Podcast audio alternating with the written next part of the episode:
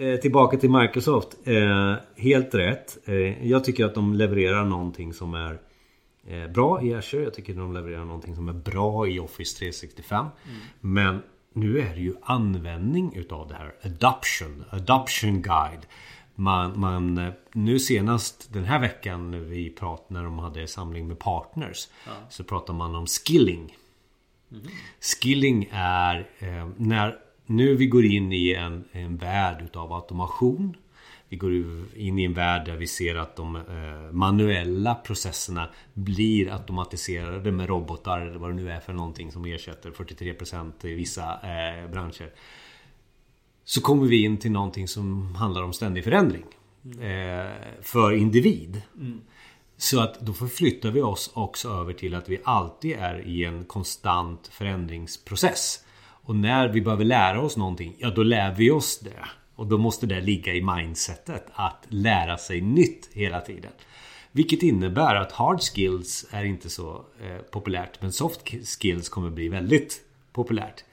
Och Microsoft pratar just om skilling eh, utifrån eh, Vi måste lära hela tiden och vi pratar internt om att eh, det enda vi vet är att det inte kommer vara som det var förut. Så hur förhåller vi oss till det? Men pratar de bara om det liksom eh, ur liksom att addera värde till, till, eh, till mänskligheten eller kommer de faktiskt kunna tjäna pengar på det här skilling? Jag, eh, Microsoft tjänar pengar genom användning. Och, ah. Men hur är det kopplat till skilling då? Eh, användning handlar ju om att, att använda det som ett stöd i skillingverksamheten. Ja. Alltså. Det du nämnde här om Teams är ju ett sätt att samarbeta. Absolut. Och ett samarbete är ju en nyckel för skilling. Eh, kommunikation helt enkelt. Ja. Eh, så att och, och, och, det Microsoft premierar är ju en annan typ av eh, modell. Förr var det licens modellen, licenskostnader. Vi säljer licenser, vi hittar Gold Partners och, och mm. hur många ni sålt och, och, så. Nu hittar man partners som har kompetens för att få igång en cykel hos kunder att konsumera månadsbetalningar istället. Prenumeration.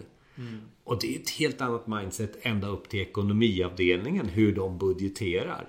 Jag har ju länge sagt att varför håller vi på med, med budgetar när det är prognoser vi ska jobba med istället? Ja. Eh, och, och, det är ett sätt att se på förändring också. Eh, och det är det jag tror Microsoft är. Alltså få igång användandet. Med allting som kan Det kan vara change management, det kan vara samarbete i teams, det kan vara skilling. På bara med allt sånt där. För det kommer göra att eh, det blir en, en verktygslåda utav saker som skapar skapar en ett flöde utav ja. konsumtion av våra produkter. Och det är väl det som också är skillnaden mellan budget och prognos framförallt. Ofta sätter man ju budget och sen så är den statisk och så ska man ju kanske idealt har man ju fått lära sig följa upp den med något visst, så här, ja, alla, något visst intervall. Men för att kunna göra bra prognoser då behöver du ju liksom ständigt uppdatera prognosen. Ja.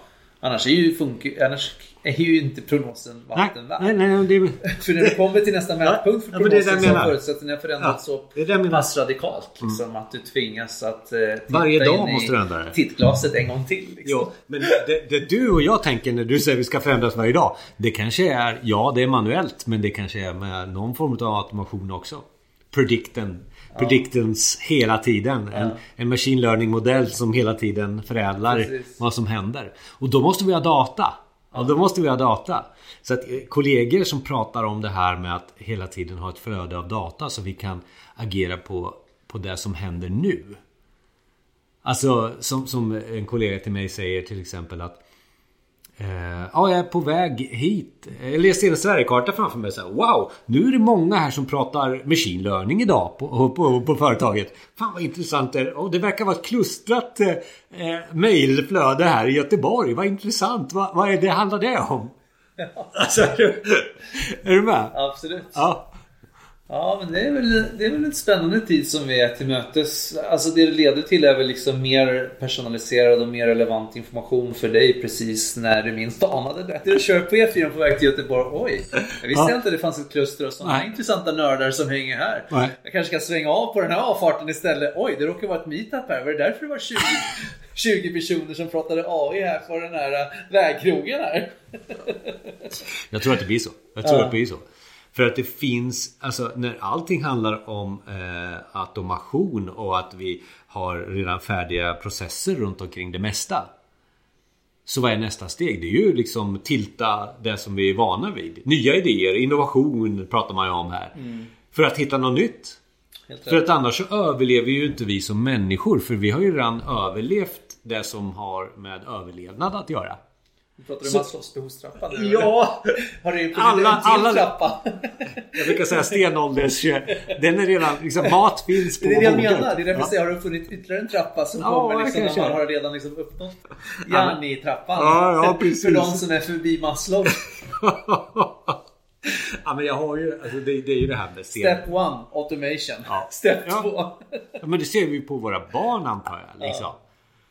Alltså de är så här. Eh, Ja, men det är inte givet att du, du ska få mat varenda dag. Vadå, vad menar du? Du har inte varit med om andra världskriget. Eller i alla fall vi vet Nej. ju om att det har funnits andra världskrig, vad det innebar. Liksom. Min son eh, har tagit det till ytterligare nivå. Häromdagen så kom han och visade mig en applikation som han har byggt som pluggar in i eh, eh, skolans eh, intranät och hämtar ut dagens matsedel. Så han säger bara till Siri så här uh, Food och sen så börjar den rabbla upp då menyn för dagen. Ja. Liksom. ja. Och han är åtta år? Eller? Nej, han är 15 år. ja. Min teori funkar inte igen. Nej, det, men det, det, kan nog stämma också. Jag vet så jag hade ju den känslan, jag kommer ihåg när jag gick ut universitetet. Och liksom vi läste mycket teknik och höll på mycket då, byggde hemsidor och sånt där. Att liksom, alltså, det vi håller på med nu, det kan ju de som börjar sen. Och det dröjde inte många år innan det var sant. Det är så är det. Ja.